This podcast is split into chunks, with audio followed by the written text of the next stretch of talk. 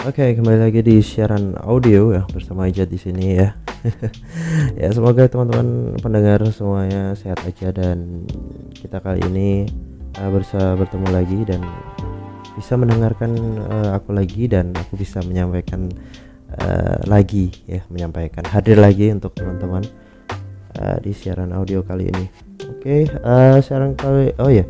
Di uh, kali ini tetap ya uh, Liga Indonesia tetap berjalan ya bersyukur. Semoga tetap berjalan dengan baik sampai akhir. Dan bagi Sleman fans ya tetap fighting.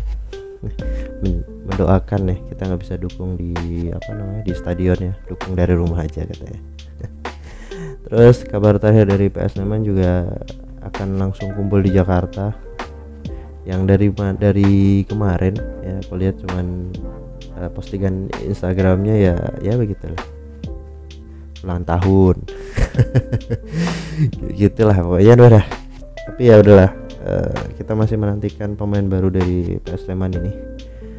Tapi untuk uh, menemani teman-teman di minggu ini uh, tetap ya kita akan ngobrolin tentang sesuatu hal yang uh, apa ya umum ya di sepak bola.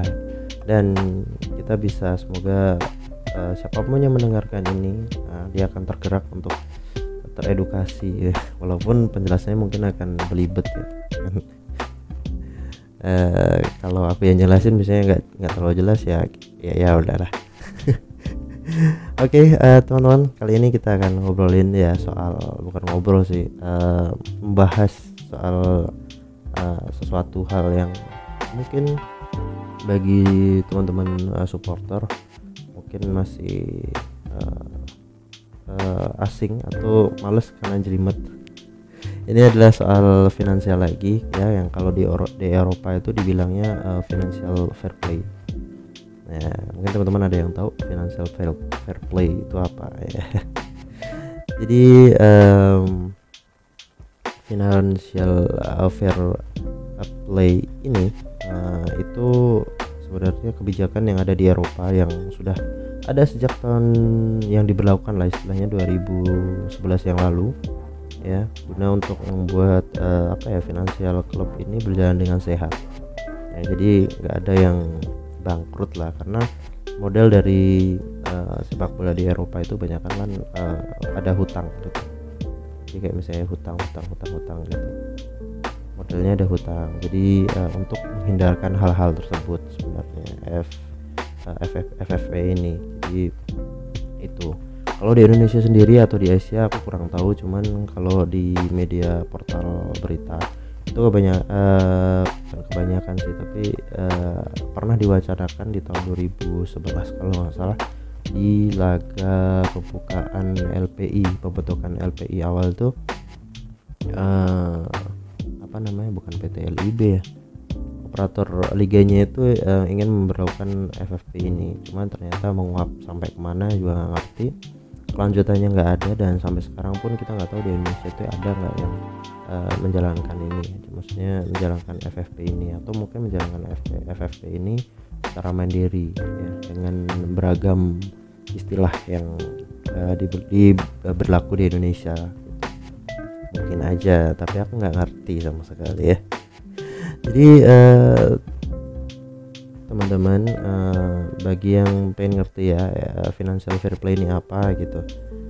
Jadi uh, perlu yang kita mengenal uh, financial uh, financial fair play ini ini adalah sebuah aturan sebenarnya uh, yang gampangnya itu di mana setiap klub itu wajib menyeimbangkan neraca keuangannya jadi uh, secara mudahnya atau simpelnya lagi ya uh, antara pemasukan dan pengeluaran tuh harus seimbang gitu. jadi jangan uh, banyak pengeluarannya gitu istilahnya gitu atau mungkin lebih mudahnya lagi ya kalau mau beli pemain itu dihitung budgetnya dulu jangan sampai uh, berat sebelah antara kapasitas keuangan klub dan uh, apa namanya gelontoran dana yang digunakan untuk beli pemain baru misalnya kayak gitu.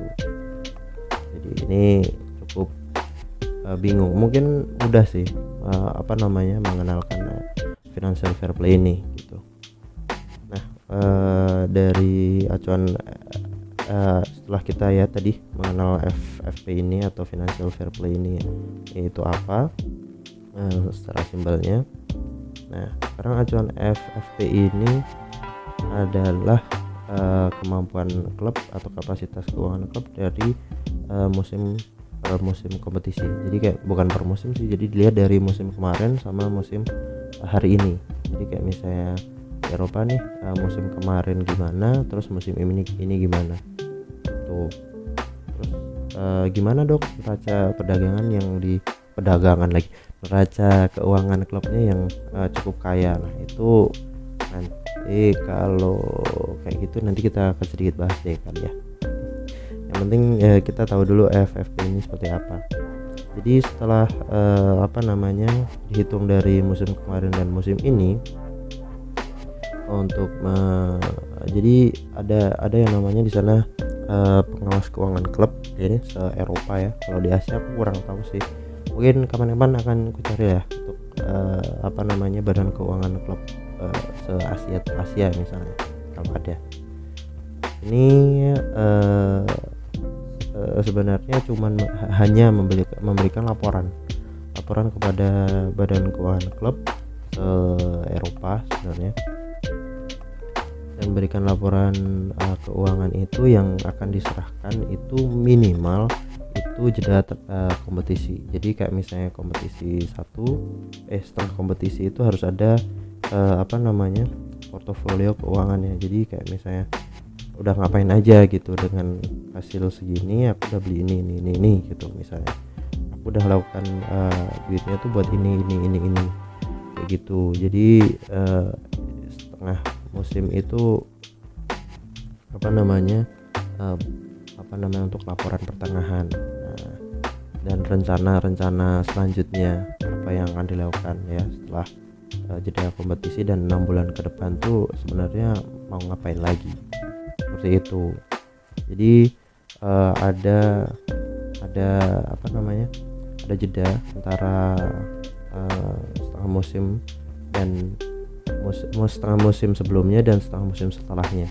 Jadi setengah musim sebelumnya kalau misalnya rapotnya jelek keuangannya minus atau baik. Nah itu bisa diperbaiki di uh, musim setengah musim setelahnya. Dan uh, akan diperiksa lagi setelah akhir musim. Jadi terakhir musim itu uh, apa namanya ke keuangan dari suatu klub itu harus uh, baik atau sehat bisa dibilang sehat. Ya agar uh, tidak mendapat teguran atau tidak mendapatkan sanksi lah istilahnya kalau di uh, di Eropa sana. Itu jadi setelah itu tahu acuannya seperti apa uh, mungkin kita akan lanjut aja ke uh, apa aja sih yang dihitung dari uh, eh, FFP ini ya. Ini lumayan jelimet nih. Tapi akan ku coba untuk menjelaskan secara singkat aja. Karena kebijakannya tiap tahun pasti akan berbeda apalagi di musim pandemi seperti ini ya.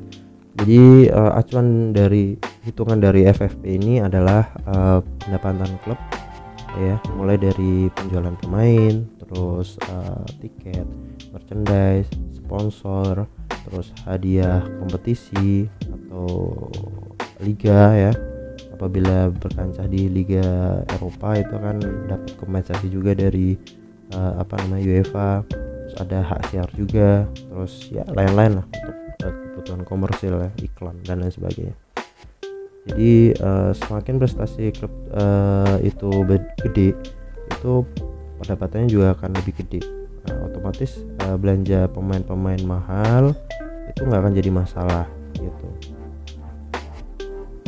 Terus uh, pengeluaran pengeluarannya juga dihitung uh, dihitung dari uh, pembelian pemain gaji seluruh staff dan pelatih dan sebagainya.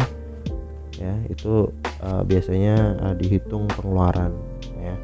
Tapi uh, untuk pengecualian pengeluaran adalah uh, pembangunan stadion uh, infrastruktur latihan dan uh, apa namanya pengembangan usia muda gitu. Jadi uh, paling untuk pengeluarannya yaitu karena paling besar kalau di Eropa ya itu pasti gaji gaji pemain. Karena pemain itu uh, bolak-balik ke klub itu gak nggak apa ya nggak nggak jarang gitu yang free transfer. Jadi harus bayar kompensasi kontrak uh, pemain tersebut apabila jangan datangkan gitu. Beda kayak eh, Messi ya kalau saya terakhir tuh di PSG itu dia tuh kan uh, tidak diperpanjang ya kalau nggak salah. Sampai lupa. Pokoknya datang gitu. Kalau nggak diperpanjang berarti masih hitungan murah. Cuman kalau untuk kayak perpindahan dari klub ke satu klub yang lain itu harus bayar uh, lah. Ya teman-teman juga fans juga tahu sih kayak hal-hal seperti itu. Cuman itu kan uh, besar gitu pengeluarannya. Uh, pembagiannya juga banyak gitu. Untuk klub untuk agen untuk pemain gitu. Biasanya ada pembagian seperti itu. Gitu.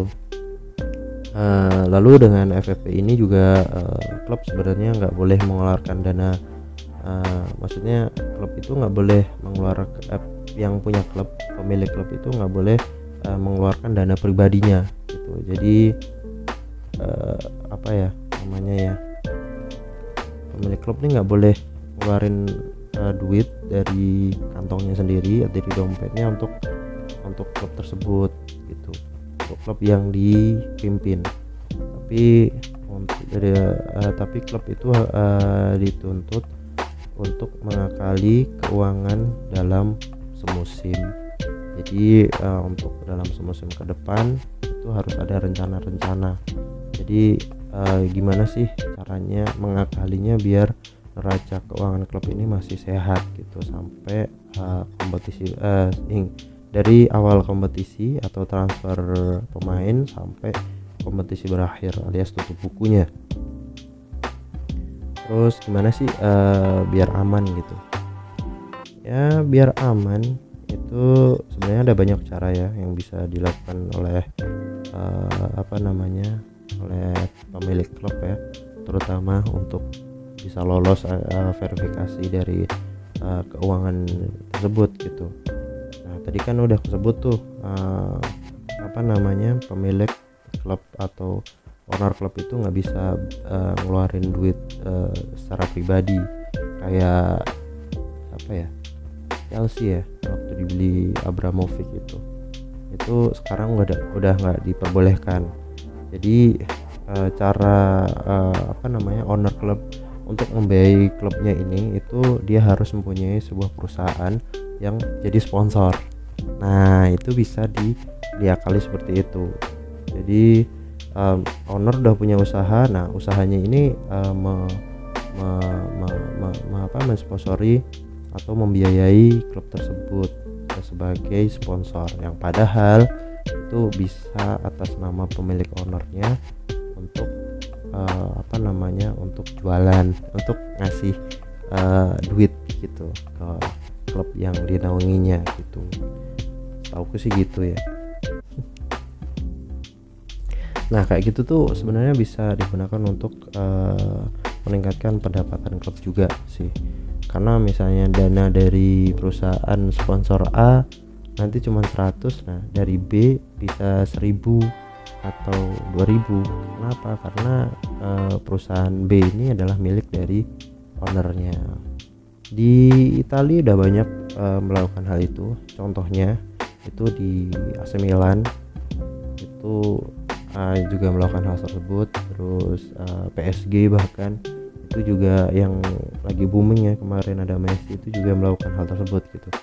Makanya uh, booming banget kan PSG sekarang bertabur bintang karena dengan cara itu gitu owner bisa apa namanya punya duit gitu. Jadi kayak misalnya di berita tuh kayak ownernya kaya gitu cuman dia nggak langsung bisanya ngasih duit ke klubnya dia harus lewat perusahaannya yang apa namanya yang jadi sponsor gitu. Kayak Fly Emirates tuh yang di PSG waktu itu itu juga karena mungkin kemungkinan uh, Fly Emirates nih punya bagiannya dia. Jadi dia bisa Fly Emirates bisa apa namanya jadi sponsor utama. Nah duitnya dari Fly Emirates ke situ gitu. Ya pokoknya gitulah. Agak rumit sebenarnya nih. Namun uh, meski begitu ya meski bisa lewat cara yang seperti itu itu biasanya badan keuangan uh, klub di Eropa itu akan mengkaji ulang uh, apakah uh, hal tersebut tuh terjadi kong kali kong atau mungkin main mata gitu. Cuman ya menurutku sih tetap ada main mata sih kalau menurutku pribadi ya. Terus uh, cara yang yang lain ngakalin biar uh, apa namanya neraca keuangan klub itu tetap seimbang itu uh, strategi meminjam pemain ya. Jadi di Eropa tuh kan banyak tuh yang uh, pinjam meminjam pemain lalu dengan opsi perpanjangan. Nah meminjam pemain dengan membeli pemain itu lebih murah meminjam karena kalau meminjam itu nggak ada kompensasi Eh, nggak uh, bayar kompensasi kontraknya. Nah kalau beli itu harus bayar kompensasi kontrak. Nah makanya itu kalau meminjam terus opsi per opsi apa namanya? Opsi apa namanya? Opsi kontrak permainan di akhir musim. Nah itu kan apa namanya di akhir musim itu kan udah tutup buku berarti udah lembaran baru tuh. Jadi lembaran baru tersebut pemain yang dipinjam tadi langsung dipermainkan dengan membayar kompensasi. Berarti keuangan tersebut udah masuk ke uh, apa namanya? Udah masuk ke apa namanya uh, udah masuk ke keuangan uh, musim selanjutnya gitu. Jadi akan lolos untuk uh, diverifikasi keuangannya gitu. Jadi itu salah satu caranya juga. Dan cara ini juga umum ya yang dilakukan uh, oleh uh, banyak klub agar tetap uh, stabil sampai akhir musim tentunya. Dan agar nggak melanggar nggak melanggar dari financial fair play sendiri gitu. Jadi ya gitu pokoknya. Ada siasat-siasat tertentu lah kreatifnya badan keuangan klub sendiri lah untuk mengaturnya gitu. Dan sebenarnya untuk pelanggaran FFFF ya udah susah. Financial fair play ini ya ini banyak banget macamnya ya. Mulai dari teguran peringatan terus ada denda juga terus ada pengurangan poin terus ada larangan pendaftaran pemain baru terus pembatasan jumlah pemain istilahnya nggak boleh transfer juga ada terus didiskualifikasi bahkan sampai pencabutan lisensi klub. Nah itu jadi masalahnya eh, sederet banyak lah kalau misalnya FF FFP ini tidak uh, dijalankan dijalankan gitu di sebuah klub di Eropa tentunya baik lagi di Indonesia aku nggak tahu Nah, jadi uh, emang nggak mudah ya untuk uh, merawat sepak bola ya teman-teman uh, fans. Uh, fans bola ya terutama teman fans. Uh, kita tahu bahwa sekelumit uh, umit dari sepak bola dan kita bisa ambil uh, contoh dari uh, Eropa ya karena salah satunya memang yang yang sudah masuk ke industri bola seutuhnya adalah di Eropa jadi semoga uh, di Indonesia itu sudah adalah hal-hal uh, semacam ini ya. Atau mungkin memang senyap aja. Karena nggak ngerti ya tidak dipublik diungkap di publik karena mungkin nggak tahu juga sih kenapa. Ya harusnya sih di ini sih diungkap di publik sih harusnya. Cuman sampai sekarang uh, aku nyari uh, auditor untuk PT 3 juga belum belum belum ada. Cuman kemarin di Piala Menpora ya akhir itu ada auditornya. Dan auditornya itu nggak tahu ya hasilnya seperti apa kita nggak ngerti. Dan itu uh, entah siapa yang uh, yang diberikan uh, laporannya. Portofolionya tuh ditaruh di mana kita nggak tahu. Ya itu memang memang haknya PT LIB juga. Kita nggak bisa marah-marah gitu. Apalagi untuk perusahaan gitu dan teman-teman juga jangan uh, mengkrit jangan berhenti mengkritik ya untuk soal keuangan. Apalagi Simon fans tetap uh, selalu mengkritik uh, kebijakan klub ya. Walaupun kita nggak tahu aduh di belakang berdarah-darah kayak gimana. Cuman uh, semoga dengan adanya step by step pengetahuan yang aku berikan ya semoga teman-teman masih ngerti lah kenapa uh, sepak bola tuh di Indonesia terutama itu agak sedikit susah atau mungkin sedikit kalap ya kalau soal keuangan dengan dalih uh, budaya yang kurang etis untuk menyebutkan nominal. Itu ya, yang seharusnya sebenarnya di berhak gitu diketahui oleh publik. Gitu. Oh, kita kan bisa tahu dari transfer market mas. Ya enggak gitu. Transfer market tuh cuman nilai ini nilai pemain aja kalau nilai klub kan kita nggak tahu seluruhnya. Transfer market tuh cuman menghitung nilai harga pemain di pasar terus dijumlahin. Jadi nggak bisa gitu. Aset-aset klub nggak nggak nggak nggak nggak mungkin dihitung oleh transfer market gitu. Jadi teman-teman jangan uh, jangan berhenti mengkritik ya apalagi soal keuangan dari klub ya.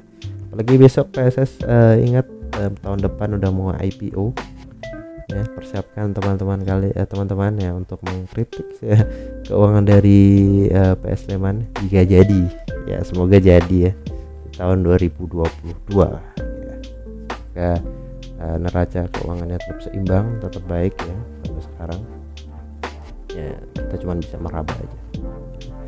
Jadi itu sih uh, apa namanya uh, narasi tulisan lah tulisan yang aku bacakan yang setelah aku tulis uh, dari financial fair play ini yang aku ambil dari uh, kumparan.com ya. Jadi teman-teman kalau mau baca di situ ada kumparan uh, tulis saja financial fair play nanti bakal muncul tuh di kumparan dan banyak portal lain yang lain. Gitu. jadi uh, itu aja hari ini ya. Semoga liga tetap jalan ya liga 1 agar uh, kita punya tontonan yang baik ya para laki tidak nonton sinetron saja dan Korea. Oke okay, segitu aja uh, uh, apa namanya uh, siaran audio minggu ini. Semoga besok kita dikasih kesehatan lagi uh, agar bisa terus uh, um, mendengarkan siaran audio dan gue juga dikasih kesehatan biar bisa terus ngisi di siaran audio. Itu aja dan enjoy time and chill